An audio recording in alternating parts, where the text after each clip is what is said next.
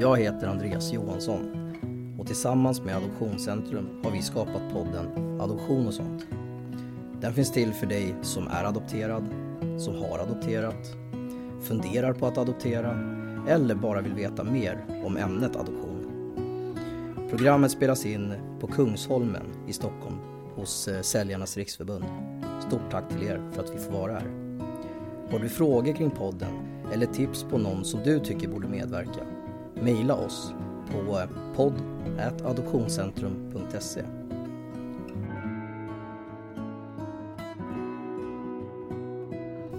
När man tänker på ämnet adoption så är det ofta utifrån den adopterade.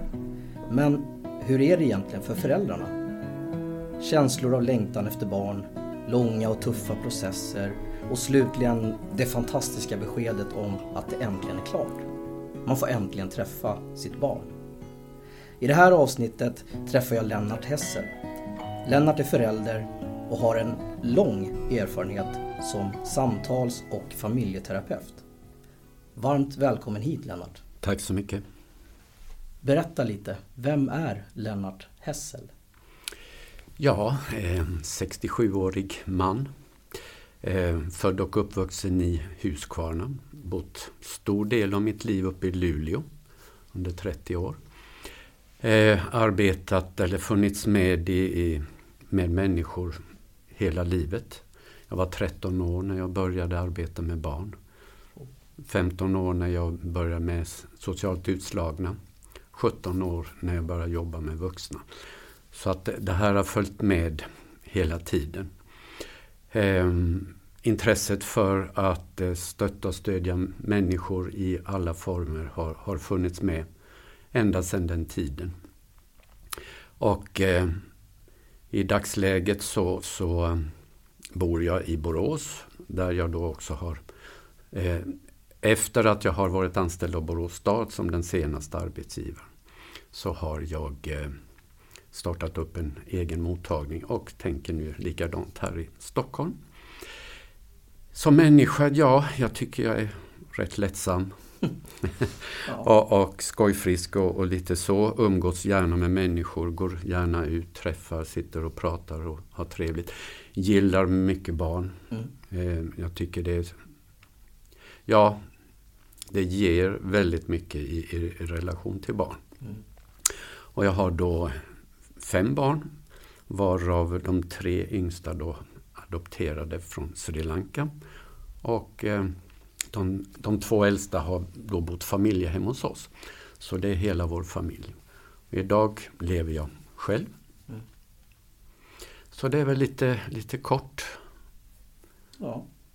Och det här just med att ha adopterade barn. Du sa någonting om familje... Eh, vad, vad sa du? Familje, familjehem. Familjehems. Ja. Eh, vad, vad, innebär det? Familjehem då eh, finns man med så att säga på uppdrag av kommunen som man bor i. Där det finns barn då som har farit illa av ett eller annat sätt. Man eh, placerar barnet för att det biologiska ursprunget har inte förmåga, möjlighet eller har burit sig väldigt illa åt mot sina barn. Så eh, ger, ger man barnet en möjlighet att komma vidare och få växa upp och få känna på hur det kan vara att leva i en familj där det inte är som det man har kommit ifrån. Mm. Så att eh, vi eh, hängde på det eh, och tyckte att det, det, var en viktig, viktig del i att, att eh, finnas med i ett sådant sammanhang också. Mm. När, när i tiden var det här? ja, eh, vår äldsta dotter adopterade vi 83 och eh, 84, 85 kom eh, äldste pojken då mm.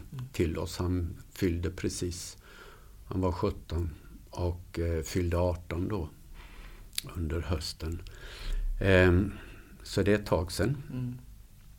Och, eh, och sedan kom de två yngsta 86. Vi kom till Sverige 87. Och eh, senare på hösten där kom då den näst äldste pojken då som blev familjehemsplacerad hos oss.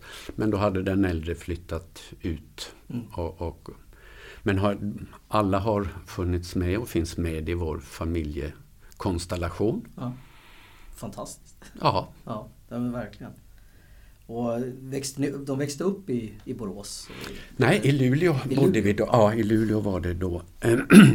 För att vi, vi gick, när, när det kom upp det här med, med adoption då, det var ju hela processen att upptäcka att varför sker det ingenting den biologiska vägen? Och man försöker ju leta svar själv och så vidare och så blev det hela processen då med läkarundersökningar och så vidare. Och eh, det blev ju en, en eh, den läkaren vi träffade då, eh, han var ju väldigt klar och tydlig och sa att, att ni har inte möjlighet att få biologiska barn. Och det var ju liksom, det, det, det rasade ju mm. mer eller mindre. Och då blev det ju, och där reagerade ju vi olika, jag och min dåvarande fru Eva. Eh, jag, jag, blev bara stum, panikslagen. Eh, hon började gråta och där, det, liksom, ja, det, det hamnade ingenstans egentligen. Man svävade som ut i en rymd som inte var möjlig att vara i. Så då under tre års tid så, så var det ju då läkarundersökningar och, och eh, eh, vi anmälde till socialtjänsten. Och det hade man då i alla fall på 80-talet uppe i Luleå väldigt bra, tycker jag. Men eh, det vi inte riktigt hade räknat med det var ju hur man ransakad man blev för att så att säga duga som, som föräldrar och, och bli en, en familj då med ett barn från en från ett annat land. Ehm, så det var ju en miljard frågor, minst. Och hela den processen vandrar fram och tillbaka. Men vi ville ju då eh, åka via en förening som, där man skulle vara båda två i landet och det blev Sri Lanka då. Med tanken på att eh, när barnen då var små och växte upp att på foton och allting så är det vi som är tillsammans. Mm. Inte så att vi ursäkta, eh, undanhöll barnen någonting men när tiden var mogen och när, när frågorna började komma då började vi berätta och så vidare. Men eh, vi tänkte oss att det, det är ett bra sätt att förankra redan från början, redan i barnets ursprungsmiljö vi, vi kommer dit. Mm. Vi finns där. Vi gör det här tillsammans. Och det tycker jag har varit alldeles utmärkt. Så det är någonting jag kan rekommendera då för den som står i mm. tankarna att gå vidare i detta. Och dessutom eh, få komma till ett land som jag inte ens själv hade varit i närheten av. Var ju, det var ju helt otroligt. Det jag kan säga i det sammanhanget som, som var den positiva delen, om man nu tänker att föräldraskapet, graviditet etc. Då, eh, att det kanske är mer eftersom kvinnan bär barnet och, och mannen nästan står bredvid. Kanske lite slarvigt sagt. Men i adoptiv eh, sammanhanget där, där är man mer jämspelt. Där mm. kommer man in lika. Mm. Och eh, det var, det var en eh, god process när vi började hitta det här. Så att eh, 84 kom, 83 kom då Anna och så Miriam och Peter kom eh, 86, eh, föddes 86, kom 87. Mm. Och de, här, de här processerna som jag tänker som, som man som förälder får gå igenom. Mm Eh, du, du sa att man blir väldigt ransakad. Ja. Eh, vad är det för typ av... För de flesta tror jag känner till att... Eh, jag tror att det är det enda folk känner till när det kommer till adoption. Att ja, man kollar föräldrarna jättemycket ja. och ställer mycket frågor. Så här, vad, mm. vad, är det för typ av, vad är det för typ av frågor? Vad är det för typ av kontroller, eller om man får kalla det så, som de, som de gör? Ja, det, allt från vad har man för syn på barn, vad har man för människosyn överhuvudtaget. Eh, hur tänker man sig att det ska gå att, att, eh, att det kommer ett barn och ett barn från ett annat land.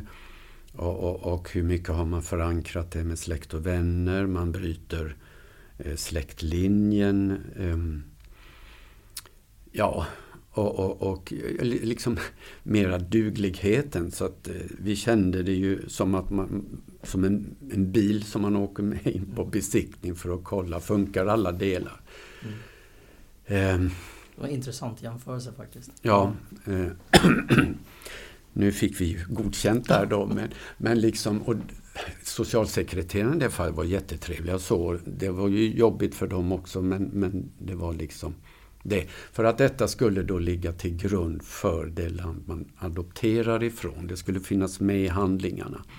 Så då kunde vi väl lite mer acceptera. Men, men jag menar, det finns människor som har svårt att eh, funka tillsammans med barn och ta hand om. Men de kan bli gravida hur snabbt som helst. Och där är det ingen som ställer frågorna mm. alls.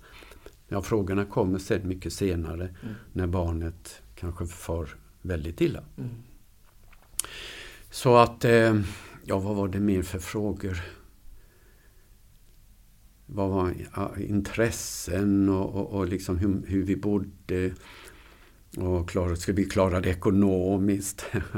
och, och, så vidare. Och, och, hur motiverade var vi? Och, ja, alltså det var...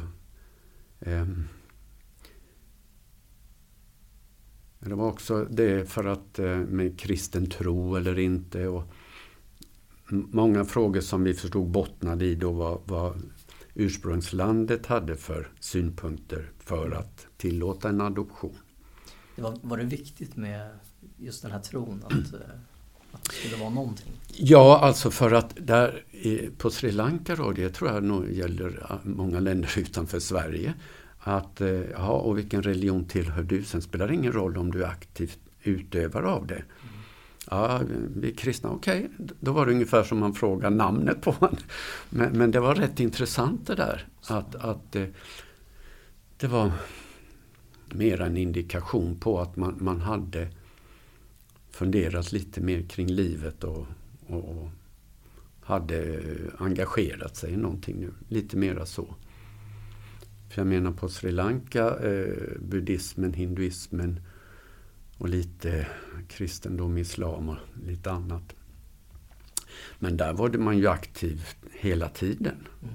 Så att på det sättet var det ju en livsnerv. Och för dem då att säga att man inte har en tro, då var det som att man inte var en människa. Att man funderade och att man liksom livsfrågor och liksom var inne i det då. Mm. Mera det än, än att vara kommersiell och, och fast i materiell, materiella saker. Vad intressant. Jag är ju själv eh, adopterad från Sri Lanka och det var ju bara det var så mm. intressant att, för jag har för mig att pappa och, och, mamma har sagt det där också tidigare att mm. ja, men det var viktigt eh, att, eh, att vi skulle döpa er. Liksom, mm. Både mig och min syster. Att mm. Det var viktigt för dem. Mm. Och jag har alltid trott att, att det har varit viktigt för dem. Mm. Men sen liksom vart efter man har liksom, när, när jag växte upp och lärde känna dem och hur de fungerade så kändes de inte som några aktiva kristna liksom, om man säger så. Nej. Men eh, nu, nu börjar jag förstå att det kanske var, ja. det mm. kanske var lite påtryckningar. Och, ja. Eh.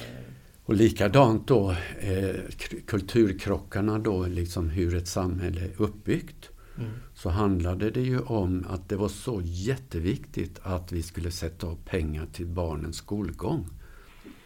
Nu försökte vi förklara att alla barn i Sverige kommer in i skolan. Mm. Jo, jo. Men bara ni lägger undan pengar till skolgången. Det gick som inte att förmedla det. Mm. Därför att man var, var, så inne i sitt egna. Och där var du inte född på eh, och fick ett födelsebevis då, född på ett lasarett. Ja, men då kunde du inte börja skola. Du kunde inte ta körkort, fick inte jobba. Du kunde inte ta lån. Du, du var liksom ställd mm. utanför samhället. Så utifrån det perspektivet så ställde vi inga mer frågor. Vi bara sa ja visst, vi fixar detta. Absolut inga problem. Så att det, det, det blev ju många frågor kring det också som dök upp som, som vi fick hantera på bästa sätt. Då. För att inte spoliera eller att göra det värre mm. i sammanhanget. Och jag tänker liksom själva, vi är fortfarande lite inne i processen här, men när ni liksom har gått, när ni har fått gå igenom hela, hela processen, när ni har mm. liksom, när de, när de väl kommer till det här läget och säger liksom att nu, nu är det klart. Mm. Vad, vad, vad gjorde ni då?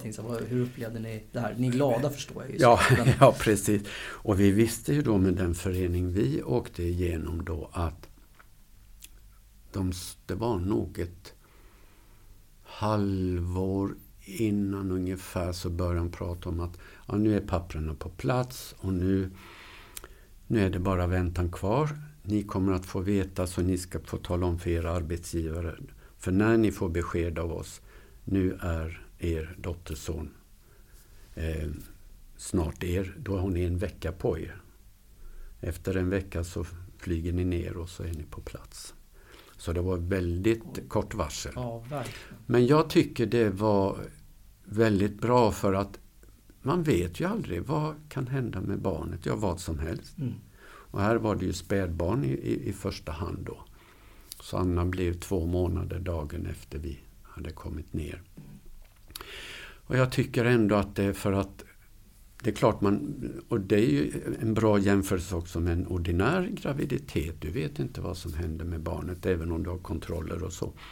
Men barnet kan födas dött. Eh, det kan dö i barnsäng mm. två veckor efter eller vad som helst kan ske. Så att på det sättet tycker jag att man fick den där lite känslan att pirrande och gå och vänta och vänta. Och sen när beskedet kom att nu får ni åka. Då, då visste man ju inte var man skulle Nej. ta vägen. Men då är det ju fantastiskt roligt och, och liksom att ju närmre, för min del då, ju närmre vi kom landet och liksom man såg man landa elefanter och grejer. Det var, liksom, det var som att komma in i tusen och en natt ungefär. Det var så främmande att och här ska vi också träffa vår dotter. Mm. Det, det, var mycket, mycket märkligt. Men fantastiskt. Ja. Och verkligen. Och hur länge, hur länge var ni nere sen? Då var det, på den, vid den omgången var det tre veckor. Mm. För det, då klarar man då eh, Jo, då var alla papper klara och man fick en advokat eh, som hade det.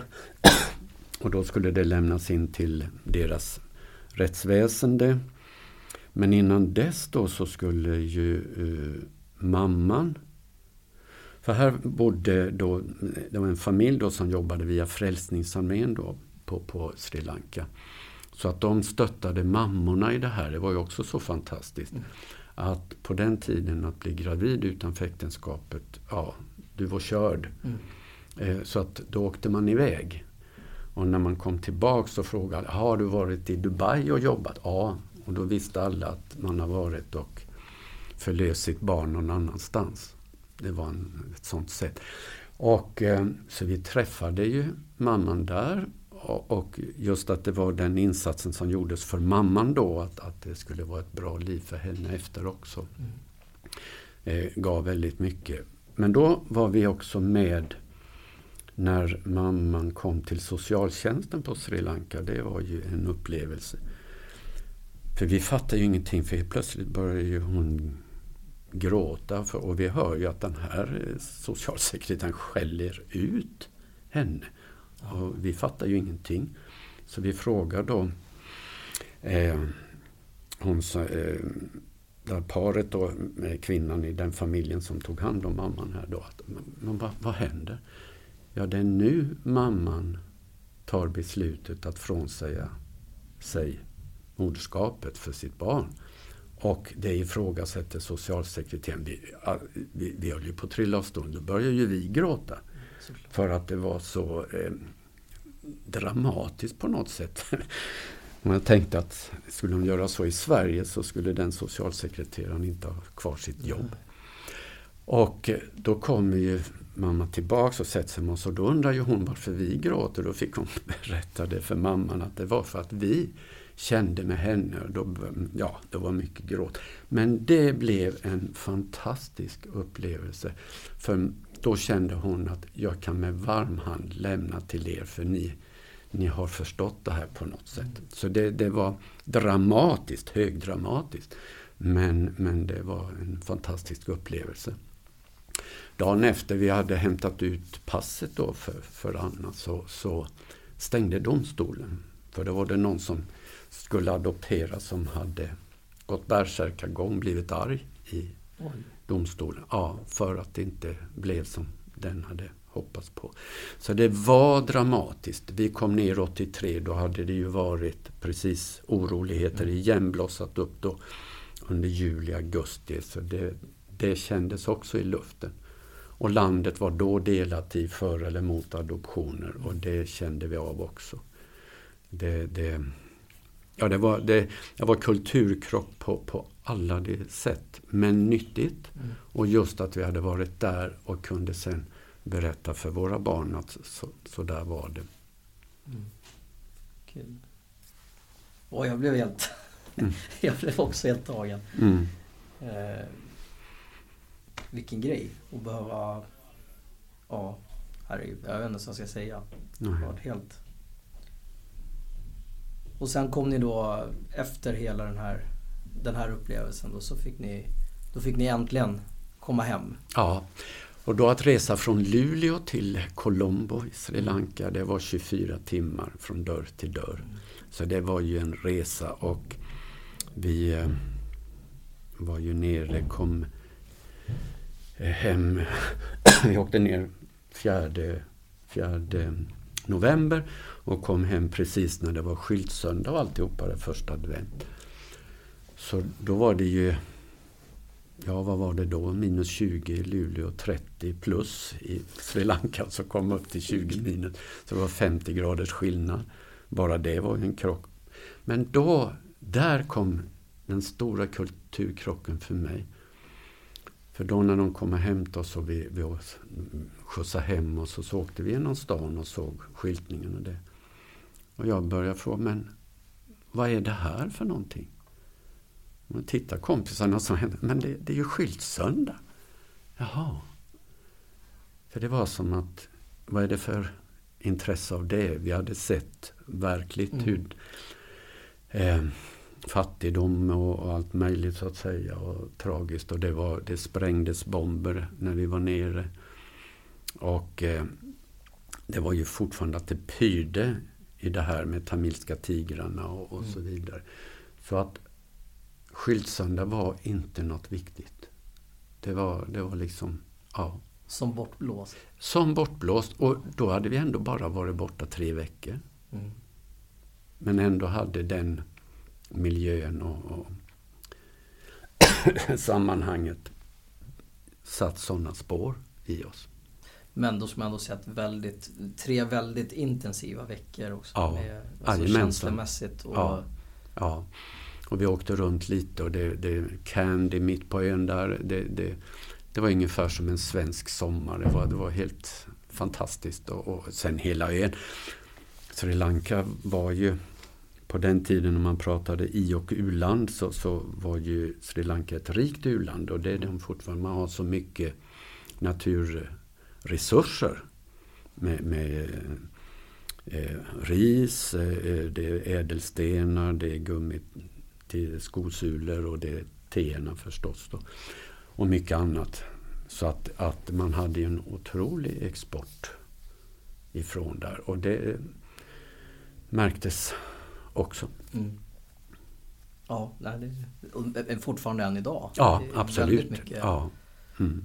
Framförallt som jag upplever i alla fall så är det väldigt mycket te i min värld. Ja. Jag dricker jättemycket te. Ja.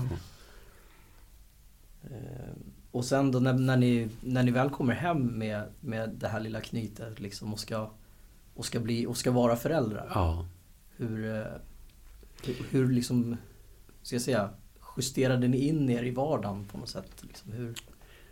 Ja, jag vet inte hur mycket vi tänkte så att säga. Vi hade ju hunnit under de tre veckorna varje dag då vara med Anna och hålla i henne, gå runt och liksom ja, börja lära känna varandra. Mm. Eh, eh, och eh, det gjorde nog att det på Jag vet inte om man kan säga naturligt, eller liksom den mm. känslan av att här ska skyddas, här ska omsorgen, här ska det här barnet få det absolut bästa. Mm. Och eh, det funkar ju bra så att säga ändå. Och, och, och, ja, vi försökte på bästa sätt så att säga. Och när, när vi kände att det rullade på med allt med blöjbyten, sova och, och, och ge välling och så vidare. Ja, men till slut så kom vi in i rutinen på något sätt. Mm.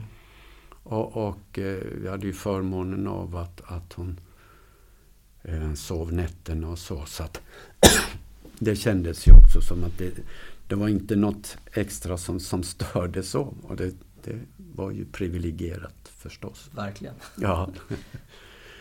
Men eh, nej, så att jag tycker vi kom, kom in i det, i det där eh, med att vara närvarande och, och ge henne alla bästa förutsättningar. Mm. Hur var det med umgänget och, och sådär runt, om, runt omkring? Vänner och ja. släktingar? Och så, var det folk som var och hälsade på? Ja, precis. Och det, det, det vart ju mycket några veckor där så, så var det ju lite inkubationstid då för att inte hamna i smitta för barnet och så. Mm. Och sen var det ju undersökning, i och med att man kommer då så är det ju en rejäl läkarundersökning. Mm. Så att, eh, och det var ju jobbigt. Ja, och då, då sa de, ja nu går ni och fikar och så tar vi hand om barnet. Ja men vi kan inte, jo, för ni vill inte höra det här skriket.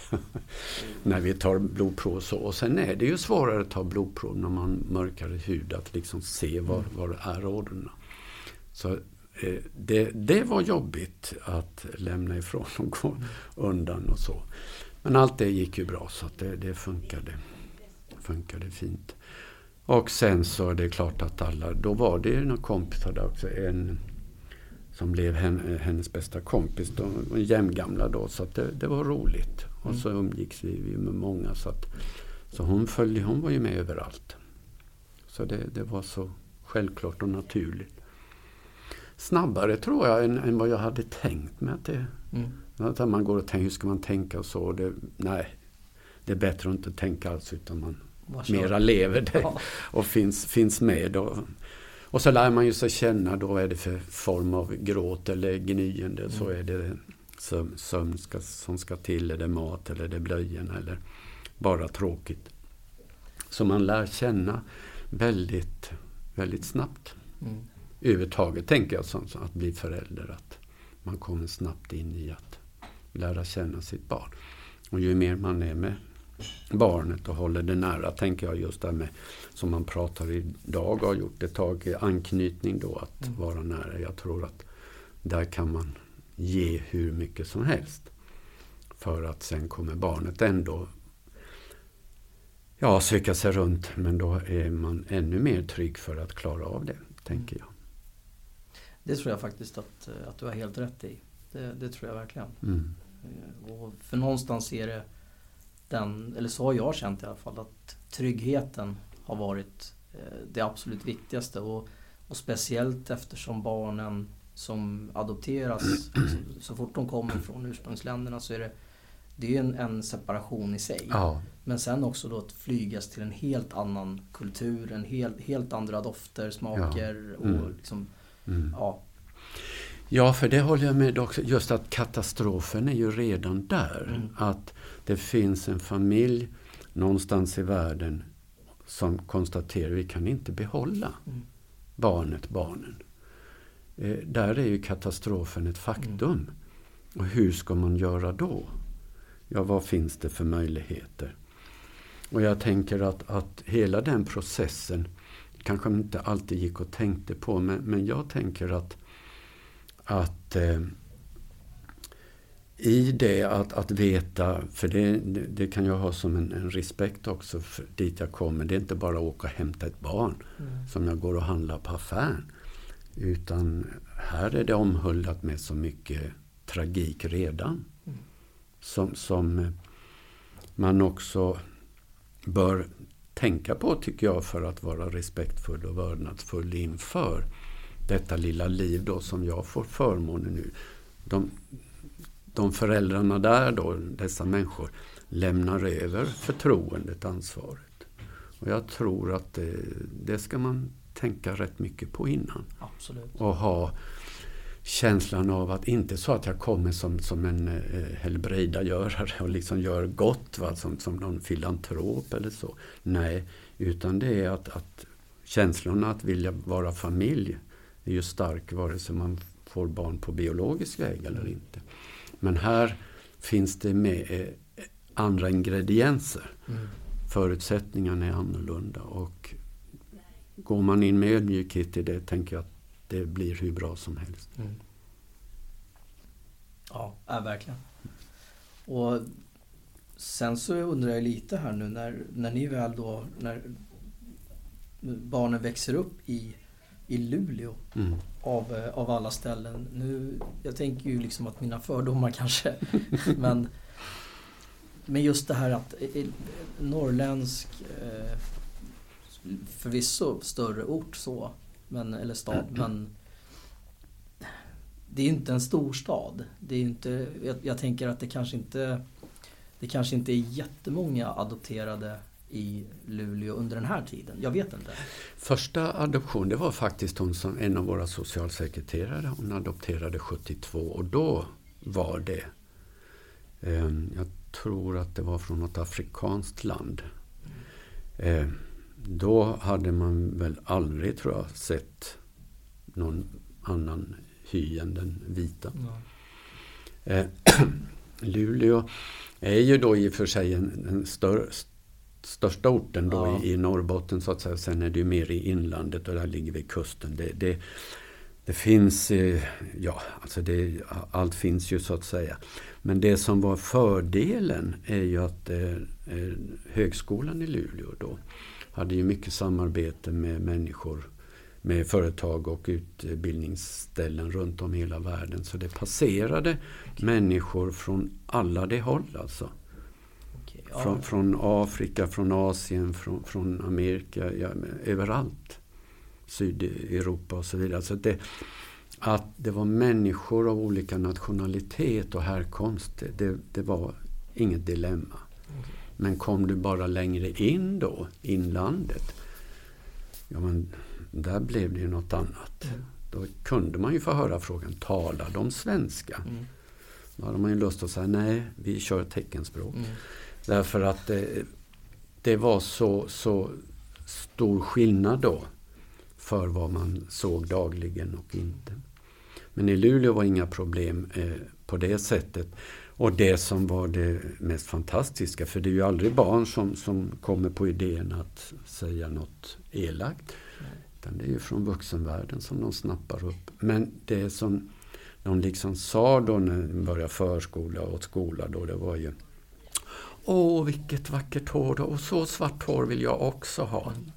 Det var liksom kommentaren, inte hudfärgen. Nej. Det var inte med. Så att det, det, det var fascinerande Mm. att, att eh, det, på det sättet. Så att, eh, och 83 då, då hade ju adoptionerna blivit större i omfattning också, även i norra Sverige. Så att det, det, det, det var inte så mycket i det. Men sen att i tonårstiden, gymnasietiden, så, så yngste sonen har, har fått utstå mycket som man inte borde ha fått göra. Mm. Eh, vi är tvillingar de två yngsta, Miriam och Peter. Då, så, att, eh, så han hade ju stöd av sin stora syster Mm. I det sammanhanget. Men, men eh, tiderna förändrades ju även där då och liksom ja, fick vara med om, om både det ena och det andra. Och det är sorgligt. Mm. Ja, det är det. Och jag, jag kan ju säga att jag, jag till och med själv var som eh, snart 40 Mm. fortfarande får, får frågan emellanåt. Och, eller frågan ska jag inte säga. Får, får kommentarer emellanåt och speciellt från äldre. Så, Mm. Åh men gud vilken bra svenska du pratar. Ja, Ja, jag vet inte vad jag ska svara på det. Jag har haft nästan 40 år på mig att öva. ja det är precis. kanske det som gör det. Ja, precis. Men eh, Mm. jag tror inte att, jag tror inte att de menar illa. Det, det tror jag inte. Utan jag tror att det handlar mycket om okunskap. Bara Ja. Att, ja. Ja. Sen tänker jag det vana då, för det blev ju också då i, i vårt sammanhang då när vi började prata om adoption och så. Fanns ju insemination också. Men i den vevan så kom lagförslaget att då skulle inseminatorn skulle då när barnet fyllde 18 skulle den få veta vem som var donatorn. Mm. Vi, vi, vi svängde ju alltihopa det där och tänkte nej men adoption blir det är ett bra sätt. Vi är jämbördiga och alltihopa det. men det är klart det blir ju frågor från våra föräldrar och kompisar och så liksom som att ja, men har ni prövat allt? Ja, annars skulle vi inte göra det här. Eh, Så är det ju. Och tiden var väl annorlunda då jämfört med idag så att säga 40 år senare. Så att eh, eh, adoption har ju blivit ett mer naturligt inslag. Mm. Hur, eh, ja, det kanske du nästan har svarat på lite, men hur, hur känner man som, som förälder när, eh, när barnen råkar ut för, ja, men det, jag skulle kalla det vardagsrasism. Mm. Alltså de här, Mm. ja, Mm. eh, och just det här att, ja, hur, hur går tankarna och känslorna som, som förälder i det, i det läget? Ja, alltså, man blir ju ställd först då, så liksom veta vad, vad, hur ska jag säga här då för att inte reagera med ilska tillbaka. Och, och liksom, eh, jaha det är barn som säger det här. Kommer det verkligen från dem? Nej, det tror ju inte jag. Utan det kommer någon annanstans ifrån. Och då får man ju hellre då fundera och prata med barnen om, om man ser, är med där när det händer. Att säga att men hur, hur, hur blev det här nu då? Kommer det sig att du säger så här och så vidare? Och hur tänker du att det blir för den andra? Att mera fånga det i stunden. Svårare är ju då när man, barnen kom hem och man märkte att det var någonting. Mm. Och man kanske inte ville berätta heller för att man visste inte vad ska det ge för effekter så att säga. Jag tycker nog ändå mesta tiden alltså absolut så, så har det varit problemfritt i den meningen för att de har kommit in så bra med, med kompisgäng och där och så på det området där vi bodde där rörde ju sig barnskocken då. Inte minst på somrarna. Liksom. Man, man får överallt. Och man blir bekant med de föräldrarna också. Det, jag tycker det, det gick väldigt bra. Det var väl mer sen högstadiet när, det, när du har hela den egna utvecklingen. Plus då att du, att du eh, ja, inte ser likadan ut då. Mm. Där tänker jag att det, det blir mer och att någon i ilska då bara drar till med någonting svartskalle eller vad, vad det nu skulle Ja. kunna vara då för elakt. Men, men jag tycker ändå att ja, de har fått känna på det och vi har inte alltid upptäckt det. Mm. Det har ju varit mer sorgligt det.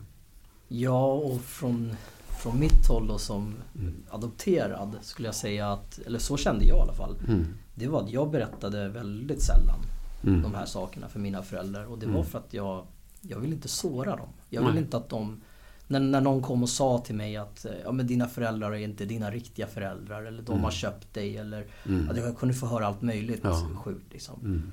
Och då ville jag inte gå hem och säga det till dem att, att det fanns eh, folk som hade sagt så till mig. Nej.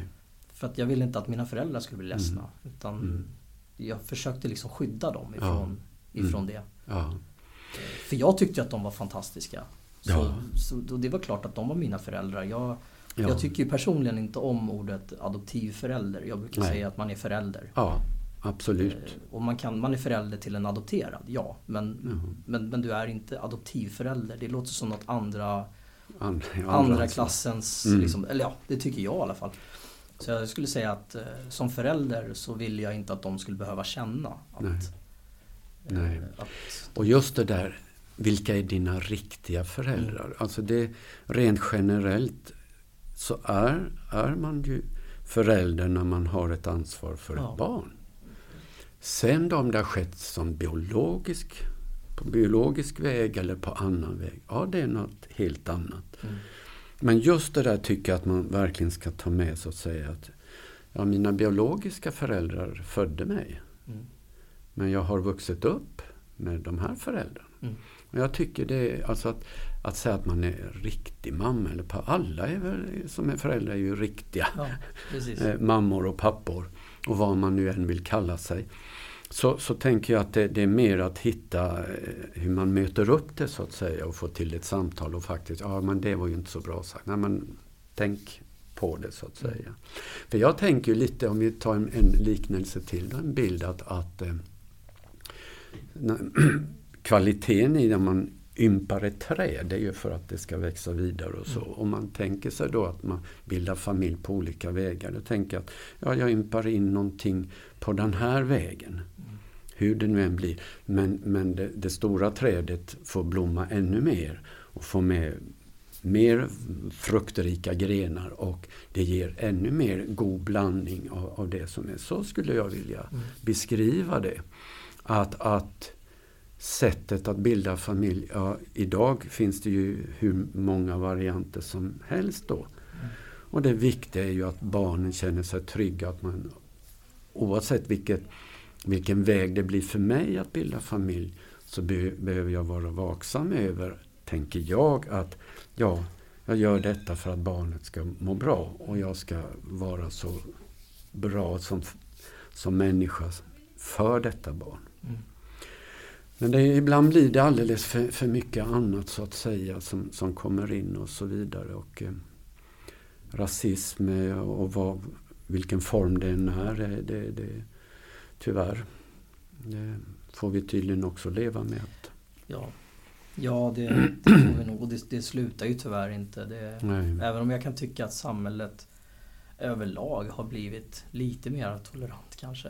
Ja. Men eh, vi har, vi har en bi- bit kvar skulle jag säga. ja, absolut. Det, det har vi verkligen. Mm. Och ehm, speciellt om jag sk- skulle säga som samhället, eh, apropå hur det ser ut idag. eh, Så har det ju varit, nu, nu speciellt just nu, så är det ju väldigt mycket eh, kritik Mm. runt eh, adoptionsfrågor Ja, och så vidare. mm. Hur, hu- hur känner du att du ställer dig till, till, dem, till den kritiken så att säga? Har du... Mm. Ja, och här, det, det är ju alltid, tänker jag, den här grannlaga uppgiften för att ta det den vägen då. Det är ju myndighetssida, politiska livet i varje land som liksom beslutar, bestämmer sig för hur ska vi ställa oss till det här. Ska vi ta emot människor till oss på och vilket sätt ska vi göra det? Och länder då som, som andra länder, att ja, vi, vi, Ska vi tillstyrka adoptionen? Ska vi tillstyrka det ena och det andra? Och det tänker jag är ju oerhört viktigt.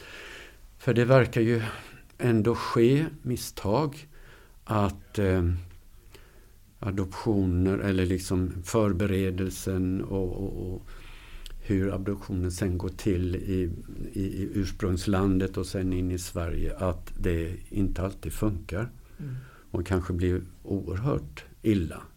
Och det behöver man ju verkligen red, råda bot på omgående, Mm. tycker jag. Därför att om digniteten för adoption då, eftersom vi pratar det, ett ursprungsland och sen ett nytt land för barnet, då behöver man vara väldigt rak och tydlig för att inte missförstånd ska uppstå. Så papper ska vara klara.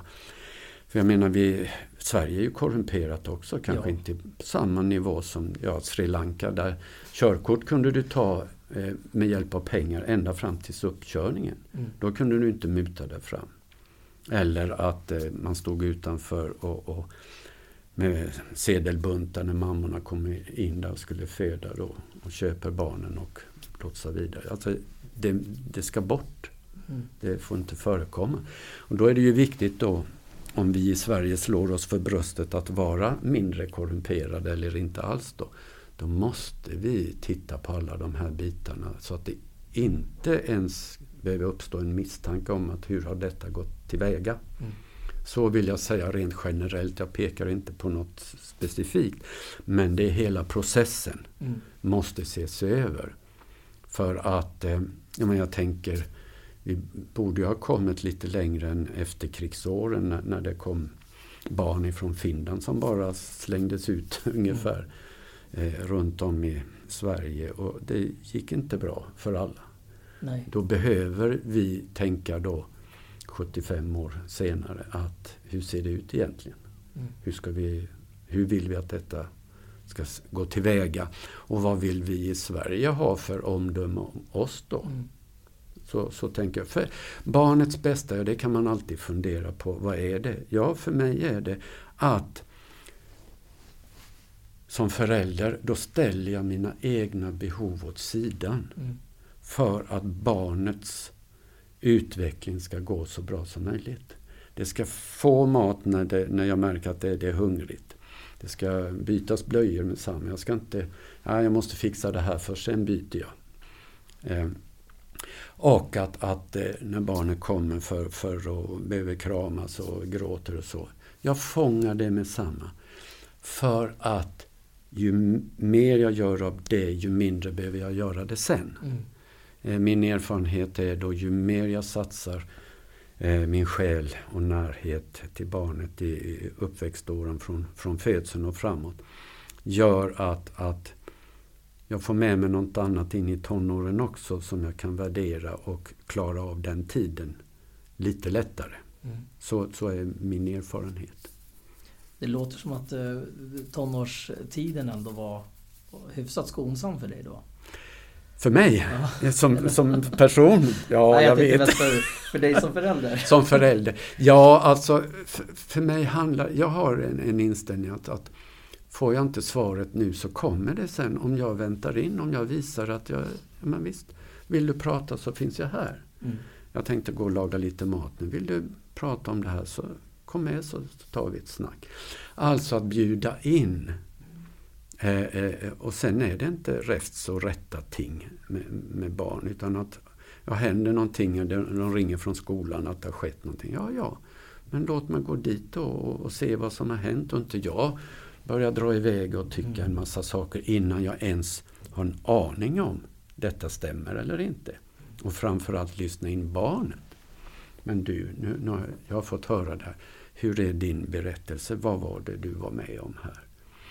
Och det tycker jag är jätteviktigt och där har vi en stor betydelse som vuxna. Att finnas. Och gör jag på det sättet, ja men då, då, då, då går jag ner på barnets nivå. För om jag kommer uppifrån, det är väl för vem som helst, tänk dig på, på, på ditt jobb. Kommer en chef där och börjar domdera och säger äh, äh, äh, du beter dig som en. Och du undrar vad var det som hände här? Det gör inte något bra överhuvudtaget. Och det gör det inte för barn heller. Det bara blossar vidare. Mm. Och jag möter inte, ser inte barnets känslor. Men jag går ner då på barnets nivå. Vi möter, jag, jag sitter ner, vi sitter tillsammans. Kom sätt dig här. Får jag, får jag höra nu? Vad var det som hände här? Mm. Det gör att jag visar barnet på, ja men så här vill vi vuxna göra när vi vill lösa en problematik som vi inte riktigt har kännedom om och vad det här, vad som har inträffat och så. Det är mitt sätt och det har jag också med mig när jag möter människor i samtal att när det gäller vuxna barn, barn, vuxna.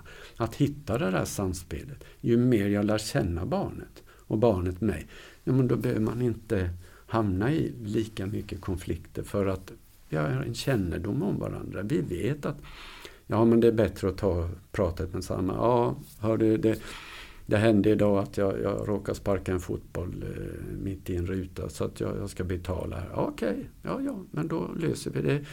Ska jag följa med eller ja. Att få ner ångestnivån för annars så bygger jag ju in det hos barnet istället för att befria det. Så att barnet i sin tur när det möter andra barn kan dela med sig av det och det blir någonting mycket bättre. Mm. Det är mitt sätt att se på det, bland annat. Nej men jag, jag köper det.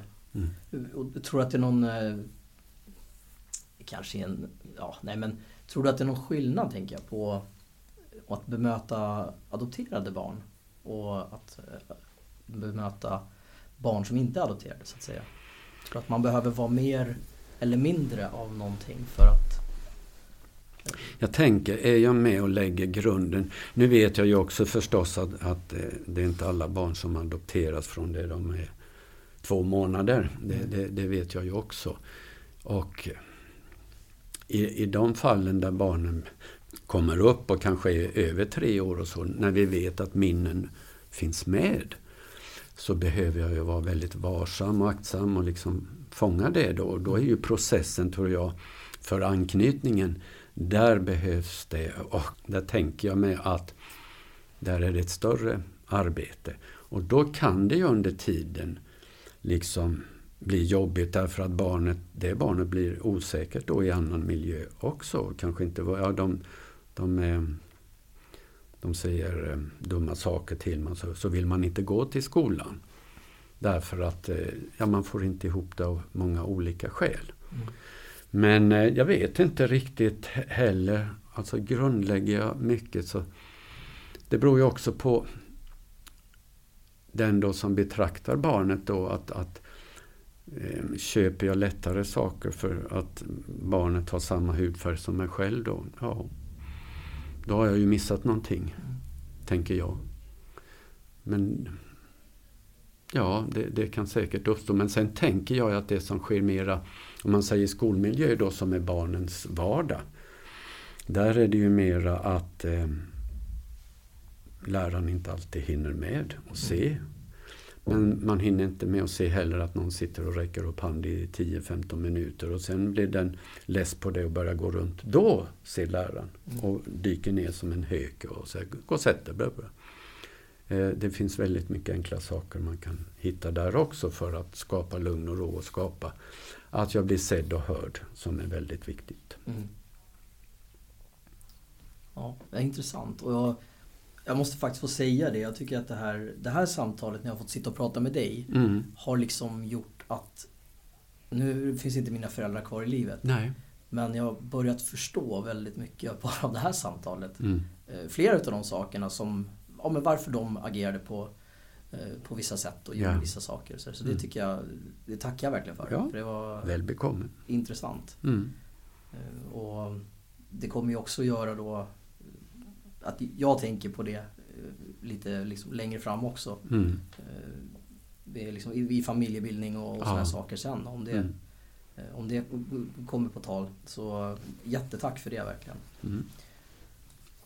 Och sen är det tyvärr så att tiden börjar, börjar sticka iväg. Mm. Men det här har varit jätte, jätteintressant och mm. jag jag är nästan tom på ord. det här var väldigt, eh, just att få, få föräldrars eh, perspektiv på, på saker och ting. För det, ja. för det är viktigt. Jag tycker mm. att debatten har varit väldigt mycket med att eh, ja, man frågar hur det är med de adopterade och ja.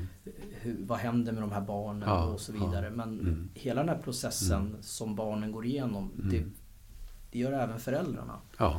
Och de går dessutom igenom ytterligare processer både innan och efter. Ja. Och idag så är det ju tydligen så fattigt för både kommun och, och regioner att man, man ger inte stöd till adoptivfamiljer i samma utsträckning som vi var med om i kurser och så. Mm. Och familjehem är ju, är ju lika illa. Eh, så att det, jag har ju valt då i mitt företagande då att, att ta in handledning. Mm. För att bara få prata av sig och liksom drifta alla sådana här funderingar. För att se, kan jag bli starkare i min föräldraroll? Hur kan jag förstå mer av det här samspelet som inte blev av? Och jag tycker det är oerhört viktigt att, att det ska finnas platser dit man kan gå med det. Eh, eh, och, och eh, det erbjuder jag då i, i, i det sammanhanget i mitt terapeutvarande. Ja, och som sagt eh, tiden är knapp men jättetack Lennart för att du tog dig tid att komma hit. Ja, tack själv Andreas. Stort tack. Tack.